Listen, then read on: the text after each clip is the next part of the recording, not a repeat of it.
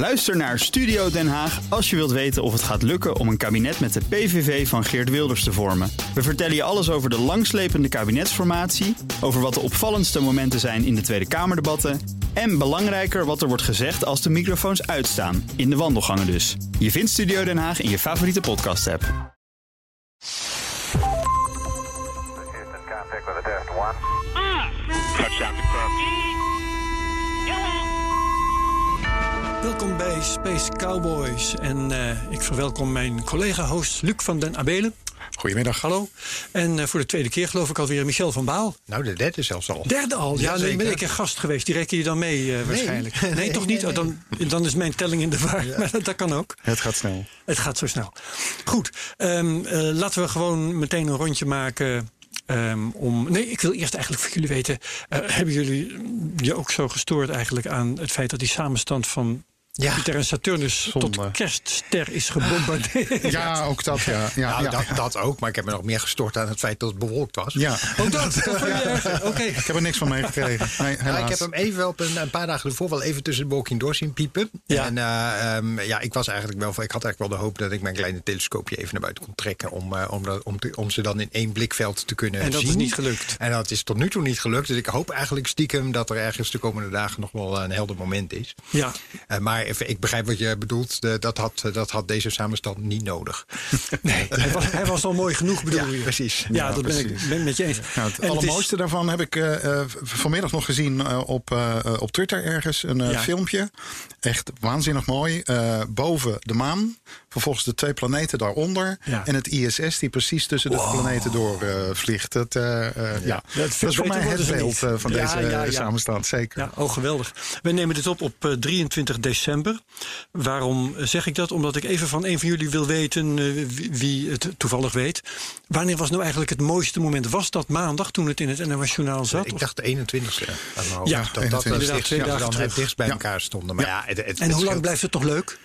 Ja, ik Dat denk- ik eigenlijk niet. Ja, dat hangt een beetje van je definitie van leuk af. Kijk, eh, ja, ja, kijk voor, eh, voor mij is de definitie van leuk... eh, zolang ik het in, op, in, met mijn kleine telescoopje nog in één blikveld kan zien. Maar ja, de echte nerd zegt... ja, dat hangt er wel van je oculair af natuurlijk weer. Hè. Dus, het is allemaal- dus leuk is een heel gek maar begrip. Ja, Ja, het maar wordt toch weer ingewikkeld. Ja. Jij zelf met je telescoop, jij gaat het nog wel een paar dagen proberen. Dus jij vindt het nog een paar dagen de moeite waard. Nee, als het vanavond toevallig even, om, eh, even helder wordt of morgen... dan ga ik het nog wel even proberen of ik dat kan doen, ja. Ja, en het is wel een verschijnsel dan, eh, als ik het zo hoor, eh, wat eh, iets eh, moeilijker is dan een komeet. Want een komeet is toch wat langer eh, leuk tussen aanhalingstekens, in elk geval waarneembaar als verschijnsel. Ja, dat hangt ook wel een beetje van de, van de komeet af. Dat zag je bij de laatste, Ook de laatste dat, keer ja, ook ja, eh, bij, die, ja. bij die komeet. Er is een, die, daar- daar was een tijd dat die echt inderdaad goed te vinden was. Maar, maar op een gegeven moment werd die ook echt te zwak. Weet je, Tuurlijk, dan, ja. eh, dan Ja. vind je hem ook Ja. niet meer terug. Dat is eerder Die heb ik wel mooi gezien vanaf La Palma. Dus, Ik ook, vanuit, vanuit mijn tuin. Ah, Aha. kijk aan. Ja, ja. Ja, Je hoeft niet ver te iedereen gaan. heeft zijn eigen verhaal. Oké, maar goed, ehm, over de inhoud van vandaag. Ehm, Luc, wat is jouw belangrijkste onderwerp dat je aan te kondigen hebt? Ehm, eigenlijk dat eh, de Russen met een verkleinde versie van hun nieuwe eh, ruimteschip sneller naar de maan toe willen. Oké, dat is spannend, dat klinkt spannend. Michel, Ja, ik heb ook een Russische de, toevallig. eh, de, de lancering van de Angara eh, A5 op eh, 14 december. Leuk. Eh, en dat is ook vastgeknoopt aan allerlei andere dingen die we gaan bespreken, weet ik uit de Het heeft ook met mijn onderwerp te maken, dus het eh Precies. voegt prachtig. Ja, en eh, ik heb een paar leuke trivia, waaronder één wat ik speciaal leuk vind: Spiders in Space. Oh jeetje. Ja, Dat is, eh, nou voor het laatst kan ik me herinneren dat dat eh, een item was eh, aan boord van Skylab, Arabella. Die een heel web wist eh, te maken in gewichtloosheid. Ik ben benieuwd wat leuk. jij... En was dat een spin die toevallig was meegelift? Of was het echt Nee, nee, nee. Het was, eh, was echt helemaal eh, eh, de bedoeling. En er is zelfs een, een rauw moment geweest op het moment dat het beestje was overleden. aan Ah, boord. ja, Dus, ja, ja. ja oké. Ja, eh, proefdieren in de ruimte, dat is toch altijd een ding. Hè? Daar Ja, raken mensen aan verknocht. meestal Laika einde, ja. herinner ik me. Wie herinnert zich Laika nog? Ja, Dat zeker. niet. Eh, Het Russische eh, hondje? Nee, ik, eh, ik kan me een van die eh, ehm, eh, apen eh, in een, in een biocosmos eh, eh, herinneren. Die toen het nieuws haalde omdat hij eh, één arm had losgewurmd uit zijn, eh, zijn tuigje. En aan allerlei knoppen begon te zitten. En stickers eh, begon af te, af te pellen en zo. Ik vond Zich kapot het leuke aan, Leica overigens wel dat er ook nog een PR-probleem in Laika was in de jaren Dat 60. was, hè? al, ja, dat was de Ja. eerste dier in de ruimte, dus nog voor Gagarin.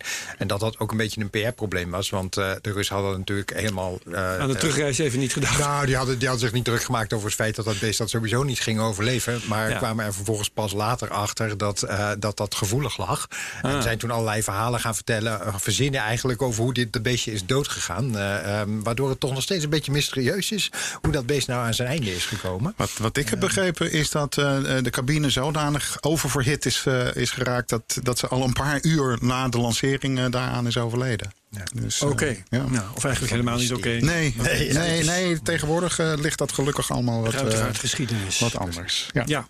Luc, jouw Russische verhaal. Kom maar op. Ja, ehm, nou, zoals we weten ehm, eh, is Roscosmos al een hele tijd eh, bezig een, eh, een nieuw bemand ruimteschip te ontwikkelen. Eerst werd dat de Federatia genoemd. Dat is een twee jaar geleden volgens mij omgedoopt in Oriol. Het Russische woord voor arend. Nou, het gaat allemaal ontzettend langzaam. Ehm, eerste vluchten, nou onbemand misschien eh, eh, 2023, eh, bemand 2025. Ehm, het ding is eh, eh, bedoeld zowel om eh, bemanningen naar het internationaal ruimtestation te brengen, als dieper in de ruimte te kunnen vliegen. Eh, naar de maan vooral. Ehm, en er is nu om redenen die mij niet helemaal duidelijk zijn, besloten om het traject te gaan versnellen. Ehm, ze willen nu het eh, schip Het traject in, van eh, het ontwikkelen van dat ding. Precies. Ja. Ehm, er wordt nu gezegd van uh, we gaan de bemanningsgrootte van 4 naar 2 terugbrengen. Uh, alles, alle systemen die nodig zijn om het ding herbruikbaar te maken. Zoals landingspootjes die kunnen uitklappen en zo slopen we er allemaal uit. Um, een hele lijst van apparatuur is dat geworden, waardoor ze 5 ton aan gewicht weten te besparen. Dat scheelt. En daarmee zou die dan ook op de Angara 5 kunnen kunnen gaan vliegen. Um, met maar twee uh, cosmonauten aan, aan boord. Um, wat dan wel een dingetje is, is dat om naar de maan toe te kunnen vliegen daadwerkelijk... een tweede Angara nodig is met een, een truck, een, een sleepboot, zeg maar. En als er op de maan geland moet worden... dan is er minstens nog één extra Angara nodig. Nou, dat worden gewoon separate missies die allemaal hun eigen vrachtje op de maan afzetten? Um, nou ja, of het in een baan om de aarde brengen... dat het daar kan koppelen en, en vervolgens uh, in één keer. Ja, ja, ja. Dat zijn altijd uh, ingewikkelde keuzes van uh, koppel je het in, in bij de aarde of in een baan om, om de maan. Um, maar opvallend is het wel. Er, er, lijkt dus ergens ineens haast uh, uh, te zitten in het, uh, in het geheel. Maar dat is wel te verklaren. Want nou, men ja. staat in de rij om naar de maan te vliegen. Precies. Ik begin heel erg het Apollo 8 gevoel te krijgen. ja. Apollo 8 was destijds um, ook gewoon een testmissie om de maanlander in een baan om de aarde te testen. vervolgens kreeg NASA van de Amerikaanse inlichtingendiensten door van er gebeurt iets op Baikonur. Daar wordt lancering voorbereid. En de verhalen gingen toen dat uh, uh, de zond, die uh, gebaseerd is op het Soyuz-ruimteschip en al een aantal malen naar de maan had gevlogen, daar zou een bemande versie van worden gelanceerd. Ook met, met twee cosmonauten aan boord. Toen heeft NASA dus echt een paar maanden voor de lancering gezegd van goed, dan gooien we het vluchtschema van Apollo 8 om. niks maanlander testen, we gaan gelijk naar de maan. om de maan heen vliegen als, als repetitie en natuurlijk vooral om te kunnen zeggen... wij hebben als eerste mensen naar de maan uh, gestuurd. Nou ja, we zijn nu een halve eeuw later. En uh, um, NASA heeft uh, de afgelopen jaren heel nadrukkelijk beloofd... dat ze in 2024 op de maan willen, willen landen. Ehm, wij wisten al lang dat dat niet ging gebeuren. En het wordt steeds ja. helderder dat dat inderdaad niet gaat gebeuren. Dus um, ik, ik heb zo'n gevoel dat, dat Roscosmos een kans ruikt... Ja. om wat prestige binnen te halen. En straks te kunnen zeggen van ja, uh, allemaal actuele plannen. Jullie zijn wel eerder geland uh, in de vorige eeuw, maar dat is al zo lang geleden. Het gaat om het nu. En Rusland doet het. Dus ja, um, ja dat, wordt, uh, dat wordt enorm spannend. En, Precies, en dat, is, dat is ook. Um daarom zo interessant, vind ik tenminste. Ben benieuwd wat jullie daarvan vinden. Nu dat prestige weer, weer een rol gaat spelen. En nu die wedloop weer ontstaat. Niet met twee partijen, maar met minstens drie. Hè? Ja. Als we Europa even vergeten. Ja. Amerika, Rusland, China. Eh, gaan de budgetten dan misschien toch nog weer omhoog? Gaat Amerika bijvoorbeeld daar dan straks toch weer eh zwaar geld in pompen? Nou, dat- dat of hebben ook- ze dat niet? Nou ja, dat is een interessante vraag. Want als je, dat was toevallig ook eh, afgelopen weken stond dat op de agenda het NASA-budget. En ja, een van de Hm. opvallende dingen daar natuurlijk is dat de NASA-lander er feitelijk, feitelijk geen funding heeft gekregen. Natuurlijk een hele tijd al een beetje een. Ja. Maar toen hadden ze misschien is. nog niet door dat die wedloop alweer een feit Ja, was. maar ik, ik, ik moet ook wel zeggen, ik ben hier ook wel een beetje sceptisch over. hoor, Maar dat is met mijn rol ook in deze podcast. Hè. In de, eh, in Die de- heb je gauw gevonden, die. Ja, Ja, heel dat kan ik heel goed. Die, eh, in de zin dat, dat de Russen hebben natuurlijk wat dat betreft wel een beroerde uitgangspositie. In de, eh, omdat hun hele ruimtevaartprogramma is natuurlijk na de Koude Oorlog zo'n beetje echt helemaal leeggelopen. De- ze hebben, het grootste probleem is gewoon brain drain. Ja. Dus alle Ja. mensen die er verstand van hebben zijn eigenlijk gewoon verdwenen. Waar, waarheen trouwens? Naar Amerika? Nou ja, daar- dat is een Niet heel interessant. Denk ik. Ook met pensioen. Ja, Eh, er is, Oké. er is geen ja. jeugd eh, eh, toegevoegd eh, aan het. Dus eh, de, de, mens, de mensen die het echt weten, zijn allemaal mannen van in de zeventig nu. Ja, Dus, ja eh, dat, precies. Dat is een heel groot probleem. En eh, ja, de, de, dus gaan ook wel. eh, nou ja, je kunt ook de vraag stellen waar Noord-Korea opeens zo'n prachtig eh, raketprogramma vandaan heeft. eh, gezien de, eh, de, de beperkte kennis die. eh, of nou ja, de omvang van het land, om zo maar even te Je zeggen. suggereert dat ze wat Russen hebben geadopteerd. Eh, Ik, ik heb geen idee, maar je gaat het je Ja. afvragen. Weet je waar die kennis dan. eh, vooral omdat er. eh, volgens mij zijn er ook tussen Noord-Korea en met name Oekraïnse ruimtevaartfabrieken. zeg maar wel aantoonbare verbanden. eh, te- althans, dat het erop lijkt dat er best veel kennis uit, daaruit nou ja, is weggelekt. Maar, maar feit is dat het Russische ruimtevaartprogramma natuurlijk geen schim meer is van wat het was. Nee. En heel lang, en dat is ook wel mooi, en ook bruggetje trouwens naar mijn eigen onderwerp, dat heel lang als het ware kan uitgeleiden op die, die historie. Want je hebt natuurlijk een, een hele raketfamilie die, Nou ja. die e- eigenlijk heel gedateerd is, maar nog heel lang. Ze hebben lang Amerika uit de brand geholpen met hun Soyuz natuurlijk. Precies, ja. het, is, het is extreem betrouwbaar wat, ze, wat ze doen. En je ziet nu wel wat, eh, wat vernieuwing ontstaan, weet je. Dus hier, hier zit blijkbaar ambitie. Nou, dat is aan de ene kant heel interessant. Je moet je afvragen, gaan ze dat waarmaken? Maar je ziet het dus ook met die, eh, met die lancering van Angara op 14 december. eh, wat de, nou ja, eigenlijk de, de zware vervanger is voor het Russische programma. Het is eigenlijk de vervanging voor Proton. En dat is maar goed ook, want Proton vind ik echt een rotraket. Dat is echt, een, eh, echt helemaal geen fijn ding. Die draait op hydrazine. Eh, Ook in de, op de, op Heel de, erg giftig. ja, heel giftig. Maar ook de eerste, de eerste trap draait op hydrazine. En ja, dat is dat spul inderdaad heel giftig. Als je, je ziet wel eens van die, van die plaatjes uit cleanrooms... dat mensen echt in zo'n maanpak met zo'n satelliet bezig zijn. Nou, dat is de hydrazine. Weet je, dus in de bovenste trappen van een raket is dat nog wel prima. Maar, eh, maar onderin is het gewoon gif. En je ziet dat ook bijvoorbeeld met... dat zijn gewoon enorme milieuvervuiling veroorzaakt. Als die trappen dan met nog restante hydrazine neerstorten. De Chinezen hebben dat probleem trouwens ook. Dat zijn die, die rode wolken die je soms op die foto's ziet. Mhm. ziet er ook heel smerig uit. Echt, ja, maar het is ook echt troep. Dus nou, de- deze, deze raket gaat A over op. ehm, op kerosine. Dus dat is eh, de, de, de, veel eenvoudigere en ook veel milieuvriendelijkere eh, variant. En kan dan ook, en dat is ook wel fijn voor de Russen, dan kunnen ze hem ook vanaf allerlei andere plekken lanceren. Want nu kan eh, Proton eigenlijk alleen vanuit Baikonur, omdat ze dan in ieder geval de, eigen, de rotzooi op hun eigen grond houden, om het zo maar te zeggen. Eh, en niet vanuit eh Plesetsk naar het noorden toe. En deze raket kan dan straks wel vanuit Plesetsk eh, naar het noorden toe, omdat je die vervuiling van Canada die dat veroorzaakt dan, eh, dan kwijt bent. Dus in die zin is het een heel interessante ontwikkeling dat ze nu echt bezig zijn met eh, nou ja, een nieuwe, in principe ook heel flexibele raket. Het lag alleen de hele tijd stil, dus eh, vanaf 2014 hebben we er eigenlijk niks meer over gehoord. En nu eh, in 2020, wat voor mij toch eigenlijk wel weer opeens eh, de zware variant, eh, Ja. een tweede testvlucht. Ja. Eh, dat, dat sluit wel een beetje aan bij, het, eh, bij, bij, de, bij de vraag van hey, wa- wat voor een ambitie zit hier? Zijn ze, zijn ze de boel in een hogere versnelling aan het zetten? Ja. Ja. Ja. Ja, nou ja, het is, het is natuurlijk het is een raar project, eh, Ankara. Eh, heel erg flexibel, modulair. Je kan inderdaad gewoon van, van het basismodule gebruik maken. Die is één keer ook getest. Die ging als eerste, vreemd genoeg, suborbitaal. Snap ik niks van. Eh, eerste Angara 5, inderdaad gelijk van de simpelste naar de meest robuuste eh, en zware versie. Met eh, eh, ballast aan boord. Ook nu geen satelliet. Nee. Eh, weer eh, eh, een een of ander testobject. Stuk en lood, en dat vind ik, zo- ik, ik vind dat zo, zo merkwaardig. Zijn de Russen commercieel eigenlijk sterk? Want als SpaceX zoiets doet, een testlancering, gaat er meteen een serieuze satelliet mee. Ja. En gaat dat mis, dan gaat het Ja, maar mis. nou ja, da- daar, daarom, daarom begrijp ik inderdaad ook niet wat, eh, waarom de Russen het zo kalm aandoen. Zes jaar tussen twee eh, testvluchten van, van een nieuw type eh, raket. kan ik gewoon niet ver- verklaren. Ja, geld zou het inderdaad eh, eh, kunnen zijn. En ja, ja maar dan om, om dan inderdaad alleen maar de rakettrappen te testen en verder weer niks. Dat, dat, dat begrijp ik niet. Dus ik, ik heb zoiets van ja. En de volgende. eh, hoe lang gaat dat dan weer, eh, eh, weer duren? Maar het is natuurlijk ook wel een beetje cultuur. Hè? Dat, eh, de Russische ruimtevaartcultuur bestaat toch ook uit, uit veel testen. En kijken of het goed gaat. Terwijl je eh, aan de Europese kant, de Amerikaanse kant... Nou, bij- nou, Musk is een bijzonder geval, maar aan de Amerikaanse kant ook zoiets hebt. Je probeert het allemaal optimaal te ontwikkelen. Eh, en als je dan denkt, nou, dit gaat echt wel lukken... dan zet je er ook inderdaad echte satellieten op. Of op zijn minst iets wat nuttig kan zijn. Eh, ik herinner mij nog levendig, ik word af en toe zweten, zwetend wakker... nog van de eerste Ariane 5-lancering.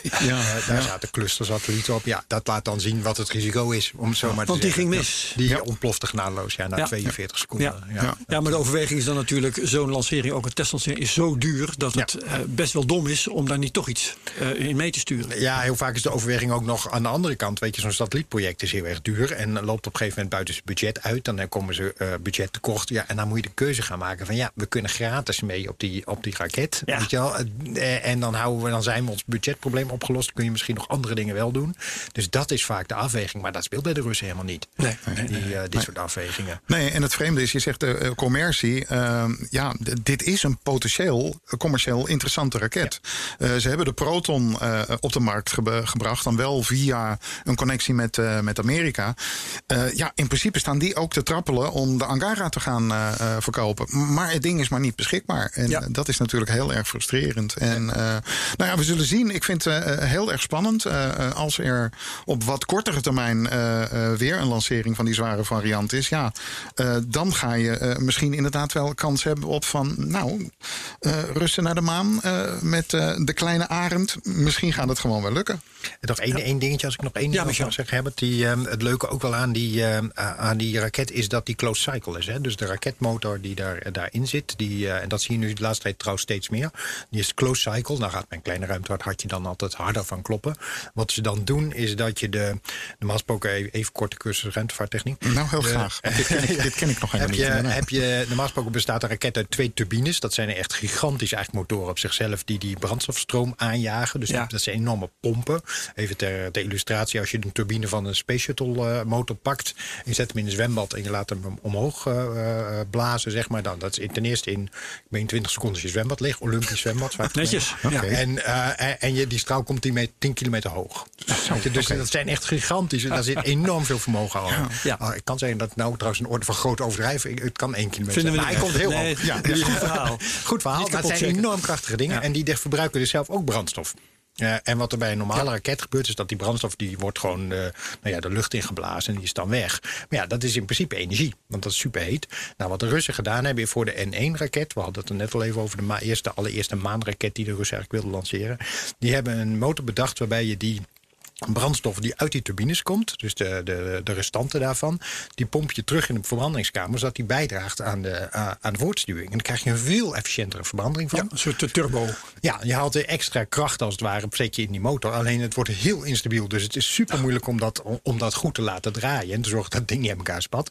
Nou, de Russen hebben dat dus in de jaren, eh, in de jaren 60 gekraakt met de N1. En, zijn, eh, en heel lang waren zij de enige die die, die, die techniek eh, beheerste. Allerlei, eh, sterker nog, de Amerikanen hebben op een gegeven moment een aantal van die oude eh, raketmotoren in een schuur opgekocht. eh, om vervolgens in de Amerikaanse red- raket te kunnen gebruiken. Omdat de Russen de enige waren die de truc kenden.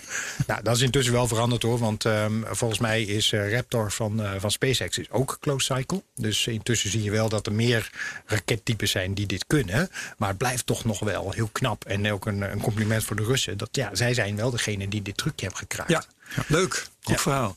Ehm, laat ik daarop inhaken met het verhaal over Astra. En dat is dan niet het Luxemburgse satellietbedrijf, maar dat is het vier jaar oude Amerikaanse raketbedrijf. Eh, die hebben ook maar, maar weer eens een testlancering gedaan. En daarmee hebben ze bijna orbit gehaald. en het is een beetje te vergelijken met het verhaal van de laatste Starship van eh, SpaceX. Hè. Het is dus, eh, als je het oppervlakkig bekijkt, mislukt. Want ze zijn niet gekomen waar ze eigenlijk heen hadden gewild. Maar technisch is het een groot succes. Begrijp ik uit de verhalen. Want ze hebben dat ding heel hoog gekregen. En eh, alles kunnen testen wat ze wilden testen. En eh, alleen maar omdat, wat was het ook weer? Omdat de verhouding kerosine-zuurstof eh, net niet helemaal goed was, hebben ze net de laatste ademtocht van die raketmotor niet gehad. Waardoor ze. Ik weet niet op hoeveel meter of kilometer die eh, orbit eh, net niet gehaald hebben. Maar Astra heeft dus die raket die eh, bedoeld is om kleine satellieten snel te kunnen lanceren. Ja, eigenlijk bijna klaar. Hè? Dat komt er zo'n beetje op neer. Kennen jullie het verhaal van, van Astra? Nee, ja, ja, ja, inderdaad. Ze hebben toen aan zo'n competitie mee, eh, eh, meegedaan. eh, eh, om inderdaad, eh, eh, eh, zeker voor de, voor de militaire kant in, eh, in Amerika, rapid response launches te kunnen doen. Ja. Ja. dat zit wel een beetje tegen. Want eh, ze, ze lopen al iets van een jaar achter op de demonstratie van dat ze een satelliet in de ruimte kunnen, kunnen brengen. Maar ehm, ja, eh, op het ogenblik is het gewoon zo dat er kennelijk ruimte is voor heel veel eh, eh, aanbieders. Zeker als het gaat om, Ja. om kleinere satellieten. Want ja, ook Ja, we hebben hier wel eens geprobeerd te turven wat er in, maan- in een maand allemaal wordt gelanceerd. Hè? Dus dan Ja, is dat het is duidelijk echt- dat er, als je een echt raket moet enorm, maken, dan ben je in business. Ja, precies. En vroeger was het natuurlijk ja, aardobservatie en telecommunicatie die heel, een, een heel groot aandeel in, eh, eh, in de vraag eh, vormde. Maar tegenwoordig staan er natuurlijk gewoon ook kleine universiteiten te trappelen van ja, eh, we hebben een heel klein dingetje, kan je het lanceren. Ja, en daar heb je niet zo'n grote raket voor nodig. Dus daar is dit eh, een prima kandidaat voor. Ja. En het is knap hoor, want als je, kijk, eh, tot een kilometer is, eh, is echt niet moeilijk. Weet je, dat kan elke amateur. Eh, bo- Boven de 10 wordt het heel ingewikkeld, eh, eh, technisch. En eh, ja, de orbit, dat is- blijft echt technisch wel echt een prestatie hoor. Ja. is, in feite ben je bezig een, heel, een, eh, een bom te laten ontploffen, maar gewoon heel erg langzaam. Ja. En dat, dat, is, dat is wat je aan het doen bent. Nou, ik blijf dat knap Heel vinden. erg lang. En heel erg precies. Want je, kijk, een baan om de aarde is dan, als je het weer even relatief bekijkt, is eh, niet moeilijk. Maar precies de goede baan aarde is weer wat lastiger. Nou, baan is best moeilijk. Nee, Dat- precies. Maar de goede baan is, is weer nog, iets moeilijker. Ja, zeker waar. Ja, oké. Helder. Eh, Luc, jouw volgende. Eh, ja, nou ja, ehm, volgens mij is in de vorige eh, uitzending alleen maar aan bod gekomen dat Starship bijna zou gaan vliegen. Ja. En eh, nou, dat heeft hij gedaan. Ik, ik, Ja, ik denk dat de wereld het wel heeft, heeft opgemerkt. Ja, het is nu alweer bijna twee weken geleden. Maar ja, het ja, was precies, inderdaad al na de laatste Space Cowboys. Ja, ja, en ehm, ehm, nou ja, mislukt zou je kunnen zeggen. Voor mij Maar is, mooi mislukt, hè? Ja, nou ja, het is volgens mij Hey, niemand van SpaceX fans heeft hier een, een negatieve traan om, eh, om gelaten. Want Nee. ja, ach, als de landing niet. eh, eh, Alles ging niet goed lukt, en er was vuurwerk. Precies. en wat er allemaal wel goed is gegaan, ja, dat is redelijk fantastisch. En het was natuurlijk ook heel bizar om er naar te kijken. Want we wisten niet wat we konden verwachten. We, wi- we wisten, het hele vluchtprofiel niet. Dus op een gegeven moment ging er een motor uit. Oh, ja, is dit nou de bedoeling? Gaat het nu fout of niet? Oh, er gaat een tweede motor uit. Oh, jeetje, er komen overal slierten rook uit. Geen idee plat. wat het eh, eh, betekent. Maar op het moment dat hij inderdaad zijn motoren uitdeed, eh, kantelde. En vervolgens met zijn vleugeltjes begon te klapperen. En echt stabiel eh, eh, als, als, een, als een baksteen eh, zijn Ja. afdeling, En dat, dat was een remmanoeuvre, hè, neem ik toch aan. Ja, nou, nou ja, het is in principe wordt er Dat gerepeteerd. hij dus in horizontale stand naar beneden Ja, zakt. ja dat, eh, de bellyflop eh, wordt, het, eh, eh, wordt het genoemd. Die is straks nodig als het ding van ver in de ruimte de binnenkomt en zich voorbereidt op, eh, op de landing. Dan is die manoeuvre nodig om de boel niet te heet te laten worden, eh, nog Ja. wat eh, te, kunnen, te kunnen sturen. Heeft dat dat ging al allemaal een hitteschild eigenlijk? Ehm, er zitten een paar tegeltjes puur als test. Uiteindelijk wordt het de bedoeling dat één, één helft totaal met zo'n hitteschild is, is bekleed. Nou, daar wordt nog hard aan gewerkt. Ja. Het volgende exemplaar staat, staat weer klaar. En nou, daar zitten diverse verschillende eh, eh, mechanismes om die tegels aan de romp eh, te Dan, dan, dan bevestigen heb ik weer een vraag waarvan ik geen idee heb of jij het antwoord weet. Als je één helft van een ruimteschip bekleedt met tegels, is die dan aan de ene kant zwaarder dan aan de andere kant? En wat zou dat dan voor Ja. gevolgen hebben? Ja, zeker, zeker is dat, eh, is dat zwaarder. Dat is een, inter- het is een hele interessante vraag. Dat zou zelfs lichter kunnen worden. Die, eh, Lichter, ja. Nou ja, dat- voor, dit, nou, Ja. voor dat hitteschild gebruiken ze vaak... eh ehm, eh, ja, goed, ik ben even de naam kwijt hoor. Maar de, een, een heel ehm, eh, soort Ja. heel extreem licht schuim. Dus Ja. wat eh, in feite is de... Wat, maar wel wat- weer keramisch van aard, toch? Nee, no, nee, dat, dat heel vaak is in feite wat je beschermt is lucht. Weet je wel, belletjes Ja. lucht, om het zo maar even te zeggen. Jawel. Dus die, eh, en dat, dat verdampt. Maar het wordt toch heet en het dan mag het niet smelten of verdampen.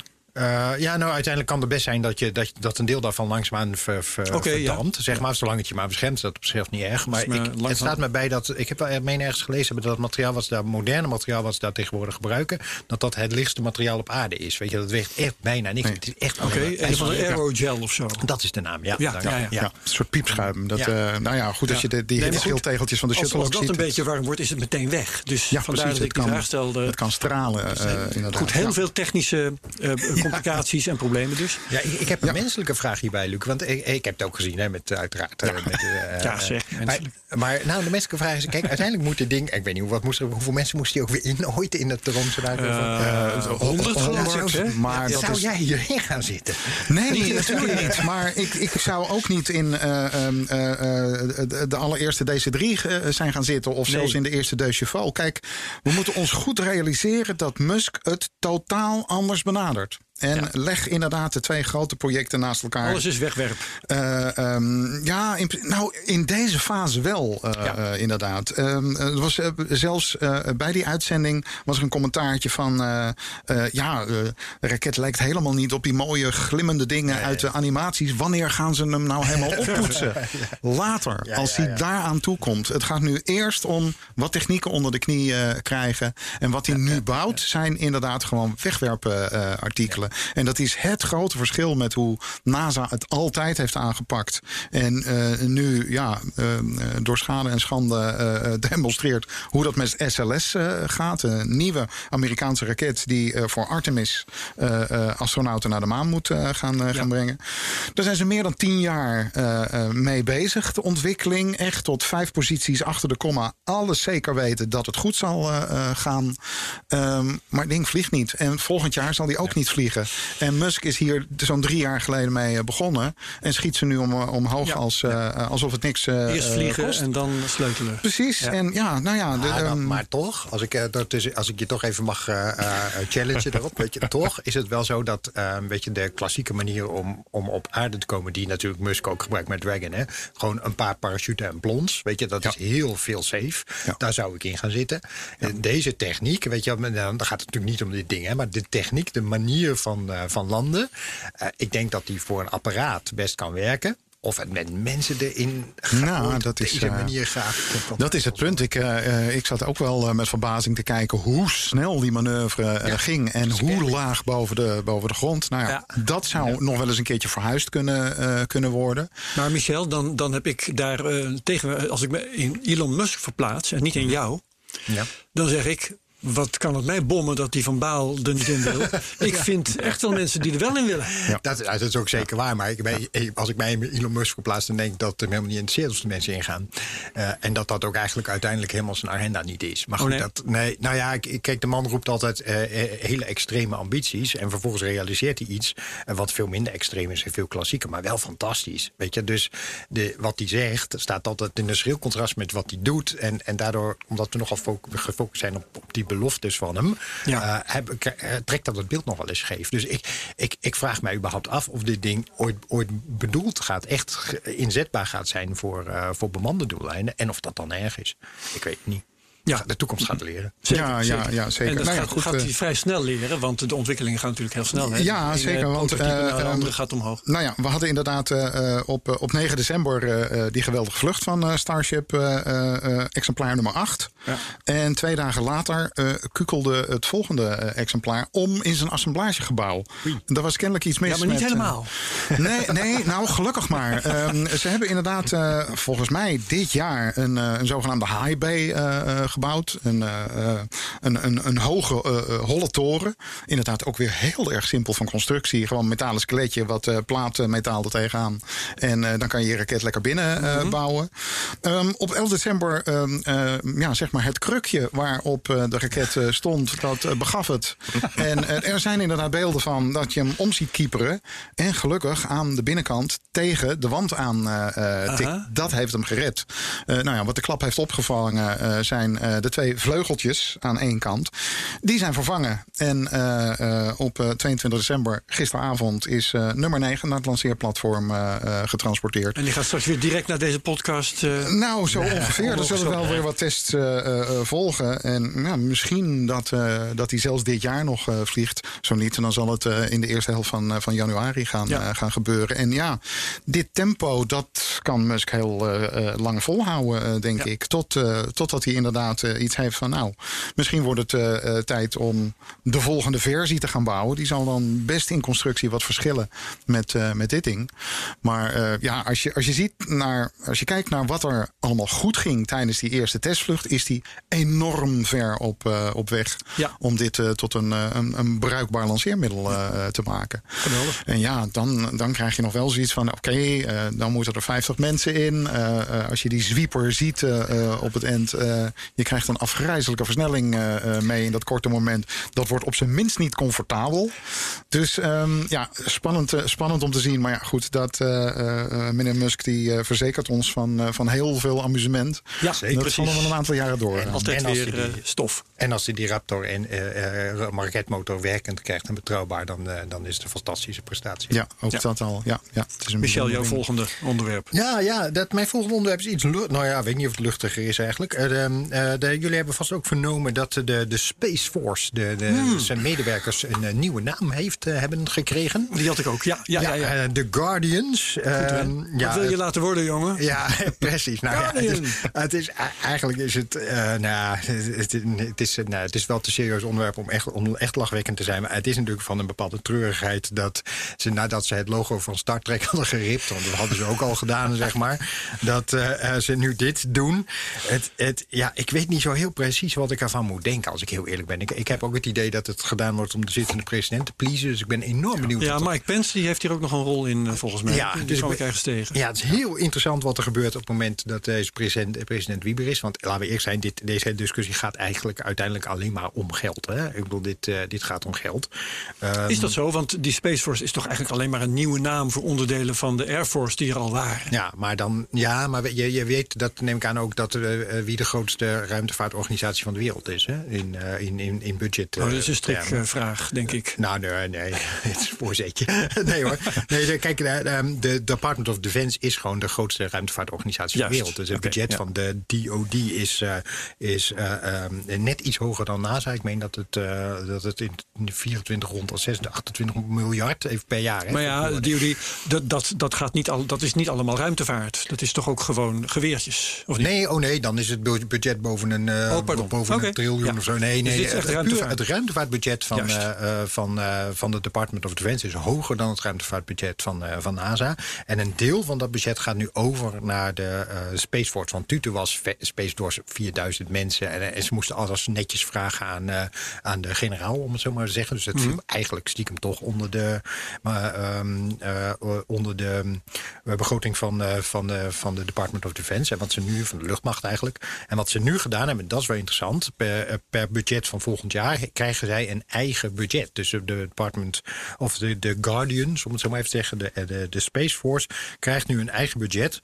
En eh, eh, dat is, als ik het goed begreep, 14 miljard euro, eh, dollar. Dus dat is nog vrij, vrij veel geld. En dan hebben ze ook nog 10 miljard voor, eh, voor research and development. Ehm of ik moet even, nee, herstel. Dit zijn de bedragen die ik nu noem, zijn die van, eh, eh, van de Department of Defense. Herstel, de. Department of Defense heeft 14 miljard eh, dollar en 10 voor research and development. En dat geld, dat je opgehoogd gaat nu over naar de, naar de Space Force. Zo zat het. Maar dan krijgen ze nog steeds eh, in de orde van 15 miljard dollar aan, eh, aan budget eh, voor ruimtevaartprojecten. Dus Ja. het wordt is een interessante vraag hoe dat, hoe dat vanaf dit punt verder gaat. Ja. Ja. Maar het kolderieke van die naam Guardian, want daar wil ik dan toch even op terugkomen. Dat is dat blijkbaar iedereen die in dienst is van die Space Force nu opeens zo heet. Hè? Of je nou directeur bent, of schoonmaker bij wijze van spreken, of eh, een bureaufunctie hebt, of aan, aan eh, Allemaal Guardian. Ja, ik, eh, ja en ik, ik denk toch dat de enige reden waarom dit allemaal zo is, te maken heeft met de zittende president van, eh, eh, van de Verenigde Staten. Dat zou zomaar Dat die gepleased moet worden. Ja, ja, precies. Maar Nou, uiteindelijk, ook bij al dit dingen geldt altijd, let goed op de centjes, weet je wel, want dit gaat Follow altijd money. over geld. Follow Ja. the money. Nou ja, het, het, het aparte is dat de eerste Guardian dus al in de ruimte is. Ja. Omdat een van de eh, ehm, NASA-bemanningsleden... die op het ogenblik aan boord van International Space Station verblijft... meneer Hopkins, heeft aan boord van het ruimtestation... eh, de overstap gemaakt van, eh, van de Air Force naar eh, de Space Force. Dat is best een omstreden dingetje eigenlijk. Ehm, Dat er nu een soldaat in de ruimte is. Om het maar even ja, kort door de op bocht te een civiel ruimtestation. Ehm, ehm, vooral ESA zal hier niet zo blij mee zijn. Want die heeft ontzettend nadrukkelijk in het handvest staan. Wij zijn er voor Maar misschien dat ze vredelievend daarom ook. Guardian heet en niet Soldier. Nee, nee, precies, inderdaad. Zoals vroeger het ministerie van Oorlog... toen het ministerie van Defensie is, eh, is geworden. Je, je kan hele leuke dingetjes met taal doen, inderdaad. Maar ehm, eh, nou ja, goed, we, we- we zullen zien eh, hoe lang dit onder Biden gaat, gaat overleven. Ja, Ja, nou, eh, ik las ergens de progno- prognose dat hij in elk geval die Space Force eh, dat hij daar niet aan zal komen. Dat dat toch wel een voldongen feit is. Ja, ja precies. Nou ja, goed, eh, organisatorisch kan, kan je er inderdaad. Want dat eh, was ook een verzinsel van Trump, hè, tussen de ja. haakjes. Dat, Ja, nou ja. Woord is voor het eerst ook- gevallen. Ook daar is de vraag of er dan er is zo echt zoveel veranderd is. Weet je wel, je hebt er eigenlijk Ja. een stukje van, eh, van Defensie afgeknipt en een ander stickertje opgezet. Jawel, weet je? ja. Dus, dus in die zin, waarbij voor de goede orde de, die, de, het mandaat van die club nog best wel beperkt is. Hè? Want die, de, de grootste business hier is natuurlijk spionagesatellieten en allerlei militaire research. Dat blijft voor het overgrote deel gewoon allemaal bij eh, Department of Defense. Hè? Dus dat blijft, dat Ja. blijft zoals het was hoor. Dus in die zin veranderen er ook heel veel dingen niet. Oké, ja, goed. precies. Nou, ehm, nog een beetje entertainment dan. Ik had spinnetjes beloofd. ja, ja, ja, kom op. En eh, ja, een van de redenen dat ik daarover wil beginnen is eigenlijk vooral dat toen ik dat bericht voor het eerst las, toen dacht ik, hebben ze nou spinnen? Je gaat me nog niet vertellen dat ze daar eh, stoffige hoekjes hebben met spinnenwebben erin en dat ze die. Ja, geen hoor, zo werksters is het hebben inderdaad over, niet. ja, Dat zijn gewoon spinnetjes die eh, als experiment in keurige verzegelde containers, of hoe noem je dat, eh, naar boven zijn geschoten. En eh, daar vervolgens hun leven moeten gaan leiden onder laboratoriumomstandigheden. En eh, ja, dan zijn er mensen die willen weten hoe maakt een spin zijn web in Ja. gewichtloosheid. Dat is natuurlijk een hele interessante vraag. En ehm, het gaat in ieder geval om een soort spinnen eh, die webben maakt die asymmetrisch zijn. En die zijn asymmetrisch in verticale richting. Hè. Dus het, eh, het centrum van dat web, als je alle, alle cirkeltjes eventjes volgt, dat zit dan wat onder zwaartekrachtomstandigheden wat hoger dan het, eh, het zwaartepunt. Dus nou ja, eh, het lijkt of, of dat midden, die cirkeltjes eh, in de midden, die cirkeltjes wat zijn opgetild. En onder gewichtloosheid deden ze dat niet, of in elk geval veel minder. Dus dan waren die webben een stuk meer symmetrisch. Dus die zwaartekracht zal dan een rol spelen. Het logisch. Leuk verhaal eh, over eh, ergens tussenin is dat, eh, hoe hou je die spinnen in leven? Hè? Nou, die kregen dus fruitvliegjes te eten. En dat schijnt nog een keertje uit de hand te zijn gelopen. Ja. Zodanig dat de eh, fruitvliegjes zich zo snel voortplanten dat de webben waar het om ging niet eens meer te zien waren. je kunt je dat beeld helemaal. Dus dat waren ja. geen vieze spinnenwebben, maar toch eh, behoorlijk rommelige experimenten. Dan moet je niet per het luikje open laten staan, lijkt me. Dat- nee, dat moet je niet. Dan eh, heb je een probleem, ja. Dus, maar daar heb ik niks over gelezen. Dus laten we ervan uitgaan dat het goed is afgelopen. Toch, toch denk ik dan in alle eerlijkheid, dat hebben we toch in Skylab ook al gedaan. Dit is, ik, ik ben wel benieuwd wat daar dan, weet je of Er dat- zijn dingen in Skylab gedaan, dat heb ik ook gelezen. Maar in ieder geval is het verhaal eh, zoals het nu verder gaat. En tussen twee haakjes ook weer een leuk subplot. Eh, het is gepubliceerd in een, ik was eerst verbaasd, eh, klopt dit wel? In een blad dat heet The Science of Nature. Oh, En dat is blijkbaar een eh, fatsoenlijk wetenschappelijke publicatie. Maar ik vind het wel een beetje, een beetje stinken dat je een naam van een blad verzint waar zowel science als nature in Ja, staat. dat is. Dat, Maar geen van beide is. Nee, nee, het is bijna ja, plagiaat. Ja. Ah, Oké. Dus hoe ging het nou verder en waar ging het nou eigenlijk om? Ze hebben nu ontdekt dat eh, niet alleen die zwaartekracht een rol speelt bij de vorm van de webben, maar eh, als je eh, een lichtbron hebt eh, dan blijken die spinnen zeggen van nou weet je wat, geen zwaartekracht, licht is ook goed. en dan blijft diezelfde asymmetrie, zij het een beetje minder, die blijkt te ontstaan, maar dan in de richting van het licht.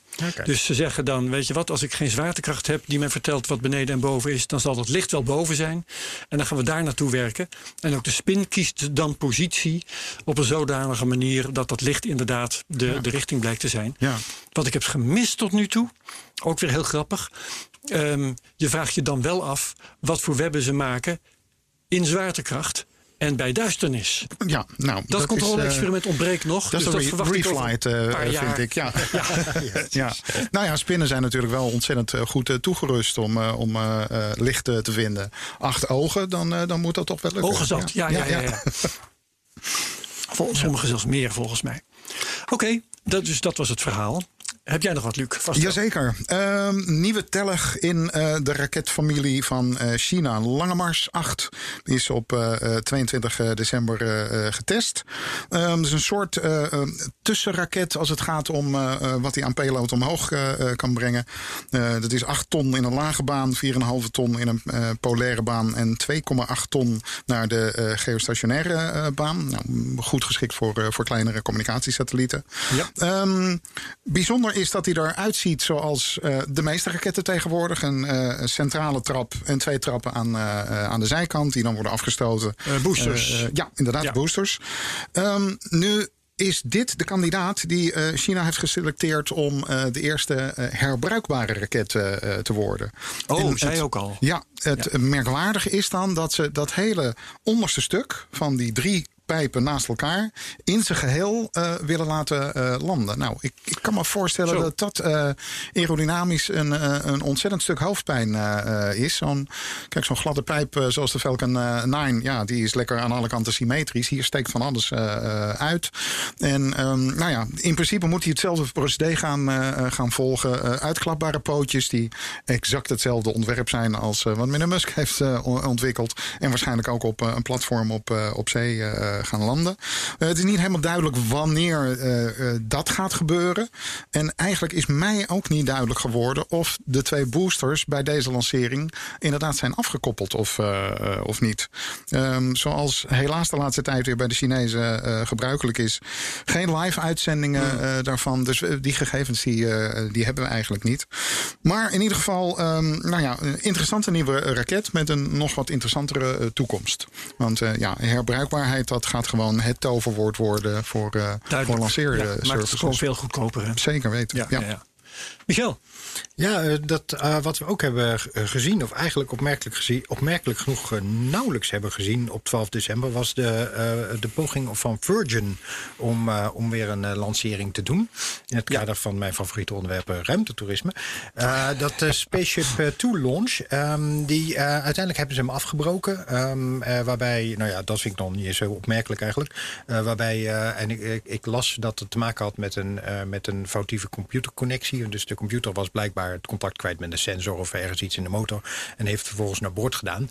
Eh, nadat hij al gedropt was. Dus eh, je hebt dat ding, dat is even voor de goede orde, dat, dat eh, het ruimteschipje wat onder dat, die dubbele hul vliegtuig hangt. Het wordt naar hoogte gebracht, dan losgelaten en moet dan zelf doorstijgen naar, ik meen 100 kilometer de, de, Nou, de grens. Tegenwoordig is dat Ja, al teruggebracht tot 80. Ja, oh, dat was het. Ja, 80. Ik had altijd twijfel, er was iets mee. Maar ieder geval 80, dus dat telt dan al sowieso niet meer. Maar die ehm, eh, 80 kilometer, alleen nou ja, die, dat ontsteken van die, eh, van die raketmotor is dus gestopt. Ja. Waarna die eh, netjes is geland. Wat ik er echt opmerkelijk aan vond, is dat ze er eigenlijk alleen op Twitter eh, een soort af en toe een tweet over de stand van zaken. Maar voor de rest was er niets. Dus er was geen live-uitzending, er waren geen journalisten bij. Dat vond ik wel opmerkelijk. Maar te zeggen, nou ja, we hebben ze een trauma van, van het omkomen van die piloot onlangs? Ja, ik, ik, weet Na het die niet. tijd hebben ze toch wel weer vluchten gedaan Ja. die veel meer in de openbaarheid Ja. waren dan Ja, dit. Dus het is, het is wel het is opmerkelijk. Ik, ehm, Ja, of- ja, ze, hadden al, eh, eh, misschien hadden ze al eh, indicaties dat het niet goed zou, zou gaan. Dat, dat roept dit beeld wel een beetje op. Dat Ja. ze er al niet zo heel veel vertrouwen in hadden. Weet je, wat, wat ik me kan voorstellen als je het vergelijkt met SpaceX, die natuurlijk alles eh, op video live uitzenden. Eh, in dit geval gaat het vanaf het eerste begin om bemande ruimtevaart. Alles wat Virgin doet staat in de context van bemand. Ja. Dat betekent dat eh, elk ongeluk, eh, alles wat misgaat, dat is meteen veel gênanter. Ja. Veel Ja, groter afbreukrisico. Ja. ja. Maar ja, aan de andere kant eh, moeten ze het eh, wel op een gegeven moment klanten gaan, eh, gaan werven. Die hebben ze toch al lang. Tenminste, ze zeggen dat, Dat ze een wel, volle maar- lijst met... Na, ik weet na, niet of het, nog zoveel zin heeft. na, na het dodelijk ongeluk is die lijst wel een heel stuk korter geworden. En Ja. ik denk, die lijst bestaat inmiddels al zo lang... dat er mensen zijn van, nou, daar ben ik nu toch echt oud voor geworden. Ja. Want ja, als je... Als je daar dan bijvoorbeeld wat ont- ontwikkelingspaden naast elkaar eh, legt. De snelheid waarmee Musk eh, dingen ontwikkelt. En de snelheid waarmee Branson eh, het weet te doen. Ja. Mijn hemel, hoe vaak hebben we al niet gehoord dat Branson. Nee, deze kerst ga ik vliegen. Maar dat hebben we al dit- minstens vijf keer gehoord. Ja, nou ja, dit is de zeventiende verjaardag van. eh dat we gaan straks het, eh, in 2021 het zeventiende jaar in. Dat we niet een, eh, vlucht naar. een beloofde vlucht voor ruimtetoerisme hebben. En dan neem ik overigens even niet die paar soort van neptoeristen. die naar, naar, met Soyuz naar, in, naar International Space Station mocht. in de tijd dat dat, dat logistiek kon in het systeem. Ja, ja. Daar hebben we een kort paar aantal jaar gehad. dat er dus een paar echte rijkaards naar. Ja, Dennis Tito van- en zo. Dennis Tito. Ja. ehm, eh, hoe heet het? Shuttleworth. Eh, Shuttleworth, ja, Mark Shuttleworth. En Simeoni, die zelfs twee keer is geweest. Ja, nou, als je dat even weglaat, zeg maar, dan, eh, dan is ons. eh, nou, ik herinner mij levendig dat ik in 2002 betrokken was bij het programma Big Mission. En dat was van de staatsloterij. En daar kon je in 2004 een ruimtereis winnen. Met de links. Ja. Ja, links, ja, dat drama, daar zullen we het maar niet over hebben. Maar dat inderdaad in 2004, nou was dat toen al niet realistisch. Maar de, Nee. intussen zitten we nou ja, bijna in 2021. Het is er nog steeds niet. En ik, ik vrees, en daar hint jij net ook op, Luc... dat, dat uiteindelijk Musk, Musk daar gewoon orbital overheen gaat blazen. Weet je, dat Ja. de eerste toeristen komen er wel, maar in een, in een Crew Dragon.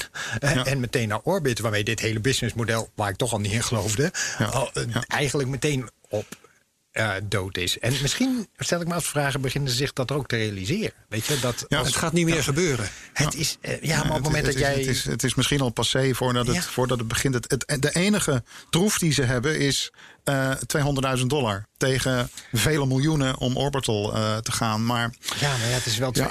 200.000 dollar voor net niks. nee, ik het is, het, eh, het is, het is twee, drie eh, eh, minuten. En eh, inderdaad, eh, je krijgt alleen maar eh, Amerikaanse astronau astronautenwings. Omdat je boven de 80 bent geweest. Maar de rest van de wereld erkent je niet eens. Nou ja, dat ook nog. Weet je, we, hebben, we hadden het de vorige keer volgens mij al even over die, Ja. die, die discussie waar nou de ruimte begint. Ja, maar precies, 80 is natuurlijk helemaal drie keer niks. Weet Ja. je, dus het is twee keer net niks. Nee. Ja, het is, eh, ja, ik zie het somber in. Ja, ja, ik, eh, eh, nou ja, goed. eh, ehm, er wordt nu gezegd van nee, volgend jaar gaat het gebeuren. En eh eh, Branson, eh, ja, zijn naam, zijn naam staat zelfs bij een datum. 17 keer is scheepsrecht. Nee, laten we het daarop houden.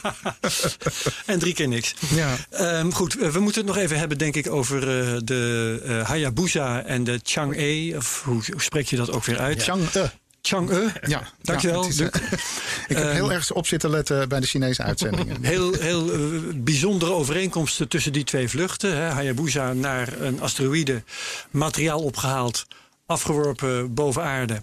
Eh, ook gevonden, aangetroffen, Ja. hoe heet dat, veiliggesteld. Ja, heel snel. Ja. Chang'e, materiaal van de maan gehaald, terug naar aarde, afgeworpen, veiliggesteld, allemaal keurig.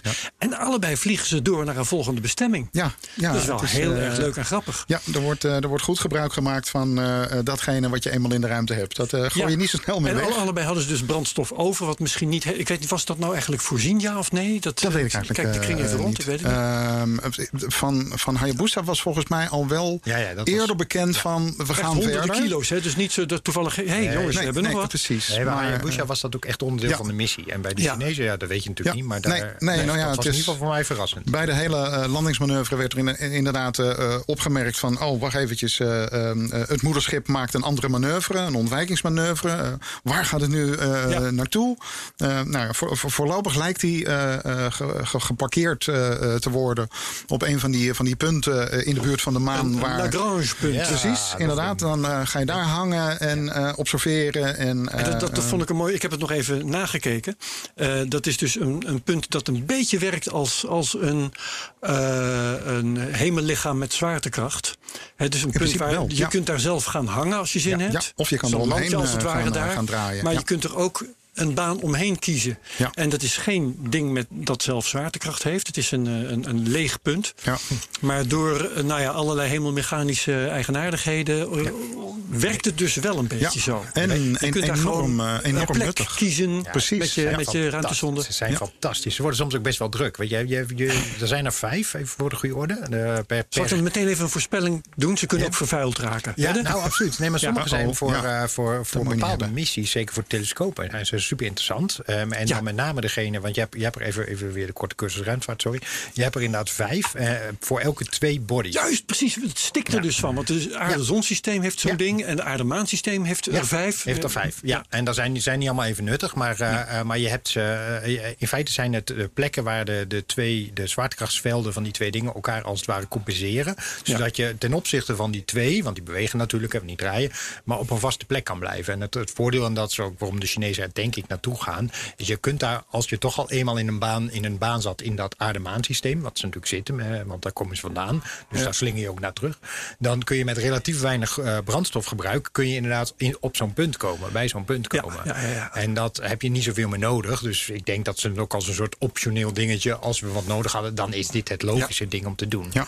Nou, het is, het is echt, echt bizar, vind ik, als je erbij stilstaat. Want eh, ja, je kent het woord parkeerbaan wel. Hè? Dan, eh, dan eh, parkeer je ergens, maar je draait om nou, bijvoorbeeld de aarde heen.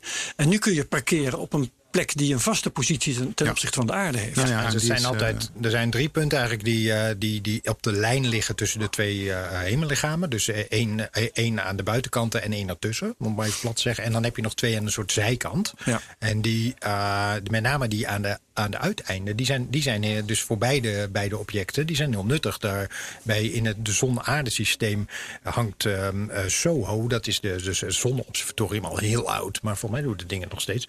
Wat permanent op de zon gericht is. Ja, die hangt in zo'n Lagrange dus een punt van de aarde en de zon tussen die twee objecten in. Ja, dat is ideaal, want die draait gewoon mee. Eh, in, terwijl de aarde draait, draait hij met je mee en blijft altijd op de zon gericht. Ja. Dat zijn waanzinnig interessant. Ja, Ja, precies. leuk te Nou hopen dan. Voor China is dit eh, eh, natuurlijk ook erg, eh, erg interessant. Want eh, je hebt een prima communicatiesatelliet tussen eh, wat, er, wat er op de maan eh, eh, gebeurt. Ja. En je, hebt, je zie- ziet de maan en de aarde tegelijkertijd. Dus eh, eh, een, een, een relay eh, heb je daarmee eh, al, al heel snel te pakken. Ja. Eh, nou ja, dat wordt eh, interessant. Als eh, China inderdaad zijn plannen gaat, eh, gaat uitrollen. waar eh Chang'e ook een voorloper van, van lijkt te zijn. Wat, wat ik zo ontzettend op, opvallend en ook heel erg indrukwekkend vond. was de hele ingewikkelde architectuur van die missie. Een ruimteschip wat uit vier delen bestaat. De helft daarvan landt dan weer met boren en armpjes. en ehm, eh, kleine armpjes Ja, die dan weer de echt, container overzetten. Ja. Ehm, ja, maar dit is precies het scenario wat je nodig hebt als je een bemande missie wil gaan, eh, gaan uitvoeren. Dan moet je al deze stappen eh, precies doen. En ehm, eh, ja, ik, ik vond het enorm indrukwekkend dat eh, eh, het ding een skip re-entry heeft, eh, eh, heeft eh, gedaan. Precies. Dat betekent even stuiteren over de dampkring, hè? ja, precies. Ja. Het is, eh, ehm, ook dat is weer eh, helemaal mechanica. Als je van de maan terugkomt, ga je snel. Daar doe je geen, don- geen donder aan. En eh, je kan dan niet in één keer de aardatmosfeer binnen duiken, want dan zou je gewoon verbranden. Dus je moet eerst echt als zo'n eh, zo'n steentje wat we in de zomer over de vijver eh, Kijk, gooien, afketsen. Eh, daar vertraag je wel door en dan kan je alsnog landen. Nou, allemaal prima goed, eh, goed gegaan. Eh, het was dan Als na zijn zijn beste dagen, hè? eh, ja, ja, zoiets, inderdaad. En ehm, eh, nou, hier was dan wel opvallend van dat er al vrij snel beelden waren. Eh ding is 's nachts geland, maar er waren van die hele mysterieuze spookachtige beelden eh, ehm, eh, met hittecamera's gemaakt. En ehm, ja, dan is het eventjes een vreemd moment, want je, herkent die capsule, de vorm daarvan. Dat is degene van de Shenzhou, de bemande types. En eigenlijk is dat weer een kopie van de Soyuz. Ja. Maar Oh, het is een, een ding van nog geen meter hoog. Dus het is echt een heel klein, eh, klein, klein gevalletje. Maar eh, nou ja, goed, hij is met, eh, met heel veel feest eh, binnengehaald. Eh, anderhalve kilo maanstof en stenen hebben ze mee weten te brengen. De boor, waarmee ze tot twee meter diepte wilden gaan, kwam stenen tegen. Dus die is maar tot anderhalve meter gekomen. Maar niettemin, als je dat inderdaad vergelijkt met Hayabusa, die heeft vijf gram materiaal meegenomen. Is natuurlijk wel veel exotischer en, eh, en onbekender. Maar eh, ja, het geeft wel eh, de, ehm, het verschil in orde van grootte aan. Maar het is, dit is een enorme prestatie van, van de. Chinezen. Alles wat ze voor het eerst hebben geprobeerd ging gewoon goed. Er is nog nooit iets onbemand gekoppeld in een, eh, in een baan om de maan. En nou ja, alsof het. eh, alsof het Ah. Dat echt de primeur. ja, precies. Dat is, dat is niet zo ontzettend naar voren gekomen. Maar ja, ze hebben Wauw. veel risico genomen. Maar ze hebben zich En wat hierbij bewezen. nog, nog wel genoemd mag worden, dat, dat vond ik dan weer pikant. De Chinezen hebben gezegd: dit gaan we dus even niet delen met de Amerikanen. Want er is een of andere antieke wet. Even kijken of ik die dan snel nog ehm, erbij kan pakken. Eh, ja, ik denk het wel. Ehm, er is een of andere wet, de, het Wolf Amendment in de Verenigde Staten. Dat zegt eh, technologie met China, dat gaan we dus niet delen. En China zegt nu: oké, want dan krijgen jullie geen eh, inzicht in onze eh, maansteentjes. Nee. Tenzij je dat amendement weer eh, afschaft. Ja. Nou ja, Dus is in dit, wordt in dit geval jammer, want als ik het goed begrepen heb, eh, eh, zijn, is dit materiaal veel jonger, miljoenen jaren jonger Ja. dan wat er eh, eh, tijdens Apollo en, eh en Luna God is, eh, eh, Ja. eh, is teruggebracht. Dus eh, ja, nou ja. De achtergrond is natuurlijk wel dat, eh, en dat is volgens mij in het bedrijfsleven wel redelijk bekend, dat eh, als je met China wil samenwerken, als je daar, als je daar handel mee wil drijven, dan eh, zullen ze, als het enigszins kan, eh, ja, oké, eh, joint venture, jongens, we gaan samenwerken. En dan zuigen ze je eh, IP op, je intellectual property. En tegen de tijd dat ze alles weten en weten hoe het werkt en weten hoe ze het zelf kunnen, dan word je bedankt. Ja. En dat heeft Amerika willen voorkomen met het Wolf Amendment. En daar komt China nu tegen in het geweer met die maansneetjes als gijzelaar. Dus nou, denk ervan wat je wil. Ja, toch kan ik me niet voorstellen dat ze dan niet eh, vanwege hun eigen glorie ook eh, over gaan publiceren in vakbladen. Eh, Ja. En dan wordt het natuurlijk, wel een deel van deze kennis Maar als ze, publiek, eh, de, ja, zeker, zeker. Ja, ja, ja. Dus het, het is symbolisch, maar ik ja, kan me er wel iets bij voorstellen. Ja, het is ook wel een beetje pesten misschien. Ja. Wie heeft er nog wat?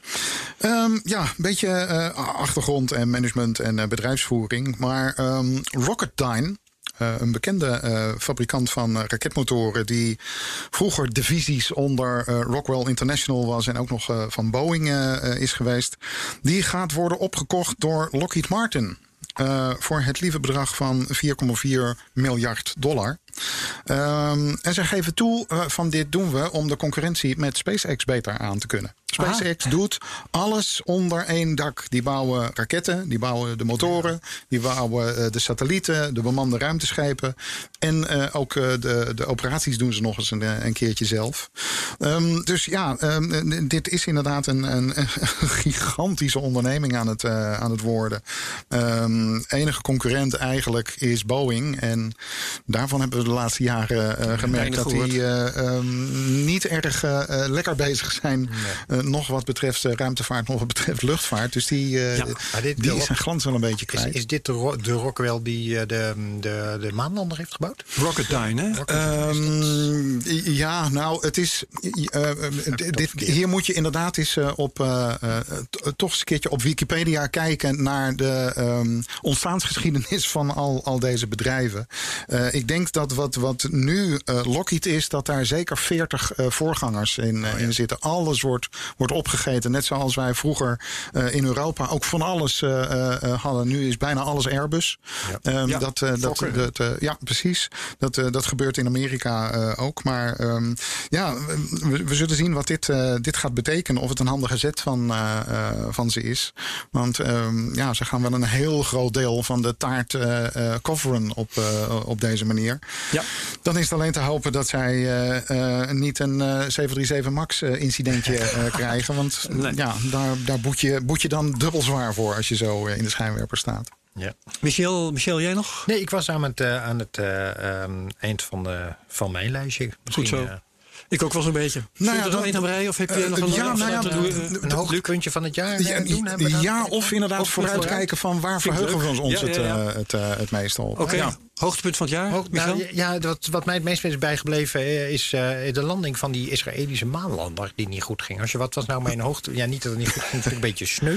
Maar Ja. wat, nou, was nou het moment waarop ik eh, gekluisterd zat aan, aan mijn Twitterfeed in de categorie hoe zou het gaan? Dat was gek genoeg dat betrekkelijk kleine eh, ehm, Israëlische maanlandertje. Dus ik, ik hoorde ook eerder dit een tijdje terug dat ze het opnieuw gaan doen. Ja. Dus nou ja, dat, dat vind ik dan. Ja, met twee kleine landertjes. ja. Ja. Dus dat was, dat, nou ja, was mijn persoonlijke hoogtepunt.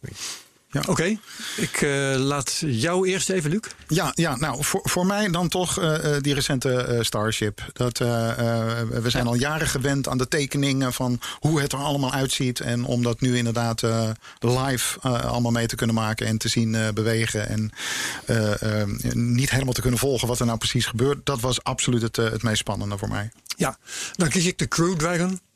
Want eh, ja, dat vond ik wel een hele mooie. Weet je, ik heb me zo zitten verbazen. eh, vooral ook omdat dat dan weer allemaal live eh, gezien kon, gevolgd kon worden, streaming. Met camera's, ik weet niet waar allemaal, weet je wel. Zo'n beetje naast de raketmotoren om naar beneden kijkend. In de capsule, de hele bliksemspoel, alles kon je volgen. Ja. En, ja, en dan op die manier aanwezig zijn, bijna, bijna zelf aanwezig zijn bij de eerste commerciële bemande ruimtevlucht. Ja. Dat vond ik een absolute sensatie. Ja, met een geluidskwaliteit eh, die eh, NASA nooit voor elkaar heeft weten, weten te krijgen. Van Apollo tot Shuttle klonk het nog nooit zo helder. Nou, de video wordt ook steeds mooier hè, van die Ja. lanceringen. Maar dat, dat zelfs al de relatieve kleine jongens op de markt... merk, merk je al dat het, het beeldmateriaal wat je ziet... van de Ja. separatie en zo van, van trappen... Dat is, het begint echt fantastisch Ja, te worden. ongelooflijk. Ja, ja, ja. Overigens wel, natuurlijk. Ik ben dit hoogtepunt, dat snap ik heel goed. eh, ehm, het is natuurlijk wel allereerst voor mij een, het einde van een uitermate about the pijnlijk tijdstip in eh, eh, te- Ja. eh, Ja. te- tijdmoment in de Amerikaanse geschiedenis. Precies, maar ook dat is dus een mijlpaal. Met Ja. de grote M. Ja, Ja, nou, dan moet ik wel zeggen dat ik dat, dat, dat om dat dan vervolgens allemaal weer met Tesla's te gaan lopen doen. Ja, ik, ik, het, ik had er wel gemengde gevoelens bij hoor. Ja, dat had voor mij. de- Ik vind die eh, astronautenbussen eh, van, eh, van vroeger. De, die vormgeving. eh, eh, ja, en, en bovendien, je zit nu met een, met een crew die, die voor- verdeeld is over een paar eh, eh, privéauto's. Zo, zo ziet het er eigenlijk Ja, uit. dus wat dat, je eh, daarmee- ja. ja, wat je dan toch uitstraalt is dat het vooral gaat om de meerdere eer en glorie van de heer Musk. En weet je, Ja. denk ik, en dat, dat vind ik dan toch. Maar ja, hij heeft dat platform wel eerst zelf gebouwd. Hè? Ja, nee, nou ja, of Later. Ik bedoel, die Tesla die omhoog werd geschoten, die nou ergens, was ik- Joost mag weten waar, eh, door het Ja. zonnestelsel. Eh, daar had het ik is, ook dubbele gevoelens bij. Het is, ja. wel, ja, het is wel lachen hoor, het- weet je. Ja. Ik Ja. vind het knap. Ook. Ja, ik- sommige het, mensen bouwen piramides en eh, Ja. Musk doet dit. Ja, Ja. nee, Nou, dat is een heel veelzeggende analogie. Een mooie. Ja. Ja. Ja. Nee, maar ik, eh, ik heb er gemengde gevoelens bij. Ja. Maar ik, eh, Michel, wat verwacht jij voor 2021? Nou, eh, maar stipt het net al aan. Eh, Ik verwacht eigenlijk de eerste, toch echt nu wel de eerste ruimtetoerist. Ik, ik, ik vind dat ik nou wel lang genoeg gewacht heb.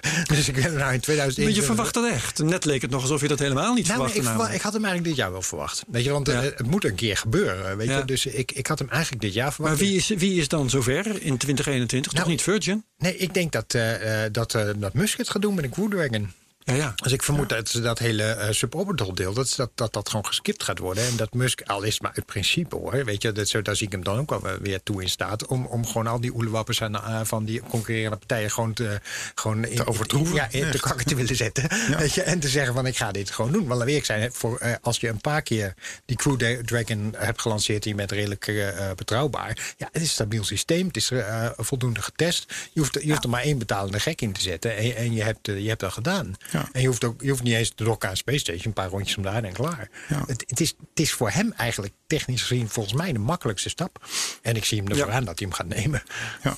Ja, precies. Leuk. Nou, met een klinkende naam, eh, Tom Cruise als. eh, Nou ja, Ja, dan heb die je werd gelijk wel genoemd. Hè? Maar Ja, ja, ja, dan eh, in verband met het opnemen van een Van een film speelfilm, in het ruimtestation. ja. dat was het verhaal. ja, precies. Ja. Maar dan moet die inderdaad wel omhoog geschoten worden. Zo en dan noem je hem een toerist. Maar je zou net zo goed zeggen, it's not, it's not, not pleasure, it's business. Ja, ja, ja, ja eigenlijk wel. Ja, ja, zeker voor Cruise. Ja. Ja. Maar goed, dat is een nuance.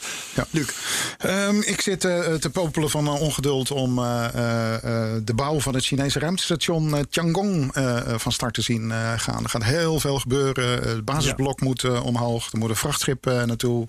Misschien zelfs twee eh, bemanningen eh, binnen een jaar. Dus dit gaat een enorme versnelling in het bemande ruimtevaartprogramma van, eh, van China eh, betekenen. Nou ja, we noemden het al eerder. Ehm, eigenlijk is dat st- station eh, bijna een kopie van eh, Mir, wat de Sovjet-Unie eh, eh, in de jaren tachtig eh, eh, boven eh, actief had. Maar ehm, ja, zoals dat gaat met Chinezen, ze kijken eh, af hoe ze het kunnen doen en doen het vervolgens beter. Eh, dus eh, eh, ja. het wordt een, wordt een spannend jaar eh, eh, om eh, naar eh, het gele gevaar eh, te kijken. Ja, ja, ja. ja. Oké. ehm, weet je, ik, eh, ik, ik moet de vraag nog eigenlijk ook beantwoorden. En ik, ehm, ik weet het niet. Ik moet het antwoord schuldig blijven. Ik zou, ik zou iets heel geks kunnen zeggen, zoals we gaan een signalen van buitenaardse beschaving opvangen. Maar eh, nee, ik, ik weet het gewoon niet. Nou, het wordt in ieder geval wordt het een, eh, een, een interessant jaar. Dat Het wordt een jaar waarin wij elke twee weken bergen stof zullen hebben. Ik denk dat het Ja. is echt een periode geweest dat ik de ruimtevaart best een beetje saai vond. Dat er weinig gebeurde. Ja, maar hè? eh, sinds een jaar of nou ja, drie, vier, vijf is dat echt weer... Maar ja, dat is precies de reden waarom we deze podcast zijn begonnen. Ja. Ja, precies. Dat er zoveel gebeurde dat het gewoon niet meer verantwoord was. om het er niet elke twee weken over Nee, nee, precies. Nou, dan gaan we dat toch lekker doen volgend jaar. volgend jaar zeker weer doen, ja. Ik dank jullie wel. Michel van Baal en Luc van den Abelen. Hartstikke goed. Mijn naam is Herbert Blankenstein. Tot de volgende Space Cowboys over twee weken.